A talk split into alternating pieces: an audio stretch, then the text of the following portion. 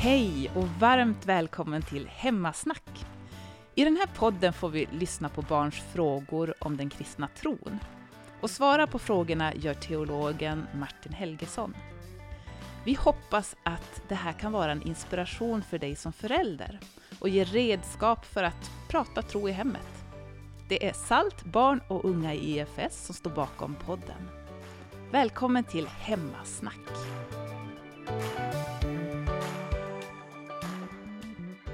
Då får jag önska er varmt välkomna tillbaka till våran podd där vi kommer snacka om eh, svåra frågor om Gud och Bibeln. Eh, och jag har en fantastisk panel kan man säga med mig här idag. Som består av Linnea, Josef, Märta och Aron. Och så har vi också våran husteolog Martin Helgesson med oss. Och den här gången så kommer vi prata om ett ganska tungt ämne och prata om sånt som ondska, om djävulen och sånt. För det står ju mycket om det i Bibeln och det kan man ju ha mycket frågor kring. Och det kan också vara lite svårt att prata om. Eh, så vi ska göra så att vi kickar igång med en fråga från Linnea som är väldigt spännande. Så låt höra Linnea, berätta. Eh, jo, eh, alltså det finns så mycket oro, våld, övergrepp, krig och hemskheter som håller på i världen just nu. Eh, Gud ville att världen helst skulle vara fredlig och liksom fridfull och att alla skulle må bra och inget krig eller liksom våld skulle komma upp. Mm, men varför tillåter han då att folk ska hålla på så här? Liksom, kan man inte skapa en kontakt med någon som man till exempel gjorde med Moses och Abraham? Och ifall det inte skulle gå, kan han ändra på detta själv? Eller är det, eller är det vi som måste tänka om liksom? Vad ska man göra mot detta? Det är ett stort problem i världen liksom. Ja, verkligen. Och det du nu har har den frågan du har ställt och olika varianter av den. Och jag tror det var flera av er hade skickat in liknande frågor. Det är ju kanske den, den största och svåraste frågan eh, på något sätt. Eh, att, att ta itu med frågan om varför tillåter Gud att så mycket ont kan ske? Eh, det brukar kallas för det, för det ondas problem och jag tror att det har varit kanske det största, det svåraste problemet för människor att förstå med kristen tro. Och det finns massa olika saker man behöver, liksom, man behöver närma sig. Det är en sån stor fråga, man behöver på sätt och vis egentligen eh, närma sig den från, från flera olika håll. Men jag får göra ett försök. Och det första jag skulle vilja säga då är att det är viktigt att ge dig rätt i det du säger, att det är verkligen mycket hemskt som händer i världen. Och även om vi inte kommer att ha något slutgiltigt svar på det så, så, kommer, så är det så att den kristna tron, den låter oss säga ja, det händer mycket ont i världen. För en sak vi ska komma ihåg är att alla människor möter ondska, möter lidande på olika sätt. Det är inte bara ondskans problem är inte bara ett problem för kristna eller för kristen tro. Alla människor måste ju fundera på var kommer det onda i världen ifrån? Så det behöver någon som inte tror på Gud behöver fundera lika mycket på som någon som tror på Gud på sätt och vis. Men många andra livsåskådningar eller andra sätt att se på världen, sätt att förstå världen har, har, skulle jag säga, minst lika svårt och har till och med svårt att använda ord som ondska. Alltså när vi tittar oss omkring i världen, när vi ser det som du beskrev här Linnea, så känner vi någonstans att det är någonting fel på världen. Det, det är en känsla som de flesta har, eller liksom en, en, en, intuition kan man säga, att så här ska det väl ändå inte vara. Det kan inte vara meningen att det ska vara så här. Och därför att vi är kristna och, och tror på Gud och läser Bibeln så får vi lov att säga nej, exakt, det ska inte vara så här. Det här, så här var inte meningen. Om vi tar bort Gud ur bilden, då måste vi säga, men vad då mening? Vad, vad, skulle det vara gott? Vart skulle det komma ifrån? Varför skulle vi kalla det här ont eller säga att det är något fel på världen? Världen är som den alltid har varit. Men för att vi tror på Bibeln så kan vi dra den här gränsen och kan verkligen bekräfta att nej men, det finns en anledning till att det känns som att det här är fel. Eh, för det är fel, det var inte så här Gud hade tänkt det. Som du sa, Gud ville att världen skulle vara fredlig, att, att äh, människor skulle må bra. Gud skapade en sån värld, en god värld. Och ondskan har kommit in genom ett uppror mot Gud, både i på något sätt i den andliga verkligheten med, med djävulen och så, vi kommer in på det, men också att vi människor har, har deltagit i det upproret genom synd på olika sätt. Um, så då kan man fundera, okej okay, om det händer. Gud har gjort någonting jättefint. Världen, eh, universum. Han har konstaterat, åh vad gott. Det var, vilken god skapelse, vad bra den blev. och så plötsligt så går det så här illa. Vad skulle Gud göra då? Man kan ju tänka sig att Gud skulle få välja mellan att kasta bort, bara börja om en ny. Eller så kan Gud säga, nej, jag tänker ta mig tiden och göra mig besväret att återställa och laga den. Och det är ju det som egentligen, egentligen handlar Bibeln från början till slut på sätt och vis om det, det du säger. Alltså kan inte Gud ta kontakt med någon? Ska Gud ändra på det själv eller ska vi göra det? Ja, men det är den bibliska, liksom hela den här långa bibliska berättelsen som du tar upp där. Alltså det handlar ju också som, alltså, som vi pratade om tidigare att det handlar mycket om att folk behöver ta ansvar. Ja, just det. Folk måste fatta att de måste ta ansvar för att allting ska funka ordentligt. Ja, Och liksom, ja, det är en fråga många tänker på. Jag har tänkt på den jättemycket. mm. Så det var ett väldigt bra eh, förklarande för jag har haft liksom många funderingar över det Ja, här. men, och det jag tycker som är fascinerande med Bibeln då är ju hur vi kan se hur Gud börjar jobba med människor. Han tar kontakt med Abraham och sen med Mose. Han, han formar det här folket Israel för att de ska visa vad är egentligen meningen med livet? Hur kan man leva med Gud? Ehm, men alla människor som Gud jobbar med misslyckas med att göra fullt ut det som krävs för att skapelsen ska bli återställd. Så till slut finns det ingen annan utväg än att Gud måste komma själv i Jesus. Och Gud, Jesus är den enda som har levt ett helt och hållet gott liv. Och tack vare Jesu liv och hans död och uppståndelse så har Gud verkligen liksom, det har skett en vändning och Gud kommer en dag att återställa skapelsen helt och fullt. Ehm, så man kan säga att ja, men Gud har skapat en kontakt som behövdes. Gud har genom Jesus åstadkommit det avgörande. Han har gett oss en möjlighet att få förlåtelse för det vi har bidragit med av det som är problem i världen. Och, eh, och så lever vi just nu i perioden då vi väntar på att Gud fullt ut ska göra skapelsen så god som den var tänkt att vara. Men, men här kommer vi igen då till det här med varför Gud inte visar sig eller kan Gud ta kontakt eller ska Gud gripa in? Varför stoppar inte Gud varje enskild ond handling? Och, och någonstans eh, så har Gud gett oss människor förtroendet att spela roll och få ett ansvar. Om jag till exempel om jag försöker göra olika sorts dumma grejer och Gud hela tiden stoppar eh, då till slut så finns det inga konsekvenser av mina handlingar och då spelar jag ingen roll längre. Så det är liksom baksidan av att vi människor har fått en viktig uppgift är att vi också kan göra mycket fel. Eh, och Gud kommer inte låta det fortsätta så för alltid, tack och lov. Men jag är också tacksam för att Gud inte eh, har suddat ut allt det onda ur historien utan faktiskt jobbar och att Gud har tålamod med mig. Och han har haft tålamod med att eh, nyheterna om Jesus skulle komma ända upp till vår del av världen i Norden och Sverige. Och, och det är just för att Gud inte har bråttom utan att Gud verkligen vill ge alla människor en chans att få kontakt med honom som Gud låter det ta den här tiden tror jag. Hej! Du lyssnar på Hemmasnack och det är vi som är med i den här podden. Du har säkert också en massa frågor och de kan du mejla in så får vi ännu mer att snacka om. Skicka dem till hemmasnack.efs.nu och nu fortsätter vi avsnittet.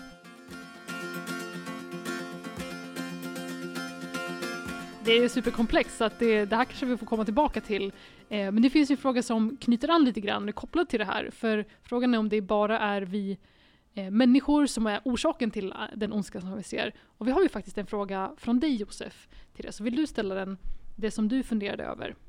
Vad hände uppe i himlen? Hur blev djävulen? Om, om det inte finns någon ondska i himlen, hur blev djävulen då ond i himlen? Ja. Jättebra fråga. Um, det, det är otroligt svårt att förstå. Hur kan en person, någon slags ängel då, eh, Bibeln säger ju en hel del om djävulen men ger oss inte liksom hela backstoryn, inte hela förklaringen. Vad var det som hände? Det svåra att förstå någonstans är ju, men det måste ju ha varit så bra i himlen. Det måste ha varit fantastiskt att vara nära Gud och liksom se allt gott som Gud skapar. Hur, varför skulle någon välja att vara emot det? Och när man tänker efter så tror jag att det är liksom det där som gör det svårt att förstå. Att vad kan det finnas för mening med det? Ja, men det är någonstans är det det som är poängen. Att ondska i sig själv är meningslös. För om vi tänker efter så är mening, mening är någonting gott. Och skulle vi förstå meningen med ondskan, då är det inte längre ondskan vi pratar om. För ondska kan inte ytterst sett ha någon mening. Mening är någonting gott.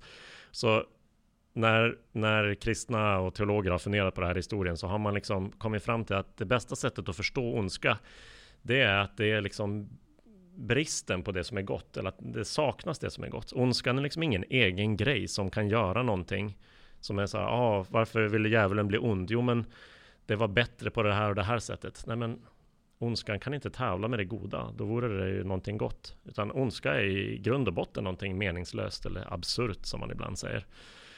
Um, men ofta så när vi ser på, på synd i, i Bibeln eller om man tänker på sitt eget liv så är det ju ofta någonstans den här viljan att man vill bestämma själv och man vill vara oberoende uh, av Gud. Istället för att lyssna på Gud och låta Gud vägleda så finns det någon slags, kan det finnas en liten uh, en vilja i oss att säga, men jag, varför ska du komma och tala om för mig hur jag ska göra? Jag vill hellre få bestämma själv, som vi alla kan känna att vi ibland gör mot våra föräldrar eller mot någon som vi tycker bestämmer över oss. Kanske kan det vara en ledtråd till att, att djävulen såg liksom någonting som var gott och vackert, men han ville äga det själv eller styra över det själv eller på något sätt. Men jag tror inte vi kommer så mycket längre än så, för ondskan är på något sätt meningslös. Så skulle djävulen då, om han är ond, ja. kommer han vara ond liksom hela sitt liv då? Eller kommer han också typ försvinna nu när Gud typ kommer och hämtar upp oss igen? Så Just skulle djävulen då kunna bli typ god igen? Ja, ja, jag tror inte det. Och Uppenbarelseboken som vi har varit inne på lite tidigare i den här podden då, som liksom ger oss en del, en, en del bilder av vad som kommer hända i, i historiens slut och i, i evigheten som väntar sen. Så står det att Gud drar en definitiv gräns. Alltså Djävulen och allt det som förstör Guds skapelse kommer inte få hålla på för alltid. Gud kommer till slut säga hit men inte längre. Nu ska skapelsen bli som den var tänkt att vara igen. Och det står i, om man vill läsa om det kan man läsa i Uppenbarelseboken kapitel 20. Och då står det liksom att, att Gud avlägsnar djävulen, tar bort honom från skapelsen, eh, kastar bort honom. Så det, det är liksom en ledtråd om att djävulen inte kommer att bli god. Men om vi vill försöka stå, förstå varför så tror jag att det har lite grann med det man brukar kalla för karaktär eller dygd om man så vill att göra. Jag vet inte om det är någon av er här som tränar någon sport? Flera stycken. Uh, om ni jämför med när ni hade er första träning och när ni hade den, er senaste träning, inte vet jag, igår eller förrgår. Visst har det blivit mycket lättare att göra det som ingår i sporten nu än vad det var första gången? Ja. Ja, man utvecklas ju. Man utvecklas. Man får musklerna man behöver. Man får liksom känslan för hur man kontrollerar sin kropp och sådär. Så man lär sig olika typer av vanor och tränar in det. Och på samma sätt är det med det här med rätt och fel. Att ju mer man övar sig i att göra det som är gott, desto mer naturligt kommer det för en. Men om man också väljer det som är ont, fast man vet att det är fel, om man väljer det mer och mer, så formas också man som person till att det blir lättare. Och om vi tänker att djävulen är någon som alltid varit emot Gud, och som har hela tiden valt att motarbeta och förstöra i Guds skapelse, så är det svårt att föreställa sig hur samma person sådär bara kan växla och vilja det som är gott. Eh, för val formar till slut vem man blir. Så därför tror jag inte att, eh, att det är möjligt. Och, och, och framförallt därför att Bibeln säger att, att djävulens slut är tyvärr inte lyckligt.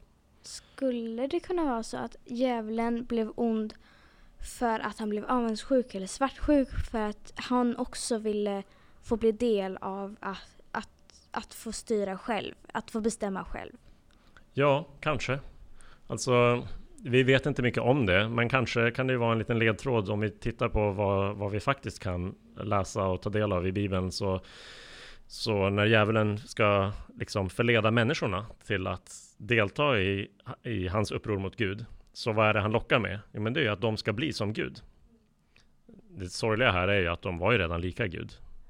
Eh, så egentligen borde inte det ha lockat dem så supermycket. Men på något sätt verkar det, det, var, det är liksom det tricket han kan. Nämligen att han han kanske har känt sin egen längtan efter att men jag vill ha Guds plats. Jag vill synas, jag vill vara störst och bäst och vackrast. Um, så kanske är det det, men vi vet inte säkert. Eh, sen eh, jag har hört att världen kommer någon gång, så jorden kommer någon gång gå under. Vad menar de med det? Och det beror nog på väldigt mycket på vem du frågar om vad man menar med det. Och jag tror att det är någonting som många människor har funderat egentligen kanske kanske på sätt och vis alltid har funderat på. Kommer världen alltid finnas kvar? Kommer den eh, gå under? Och, och, någon slags bild av en, en slutgiltig katastrof har nog funnits med mänskligheten väldigt länge. Um, och nu i vår tid så är det jättemånga som är oroliga för det därför att man tänker på klimatförändringar och att jorden blir varmare och vad kommer hända när klimatet förändras.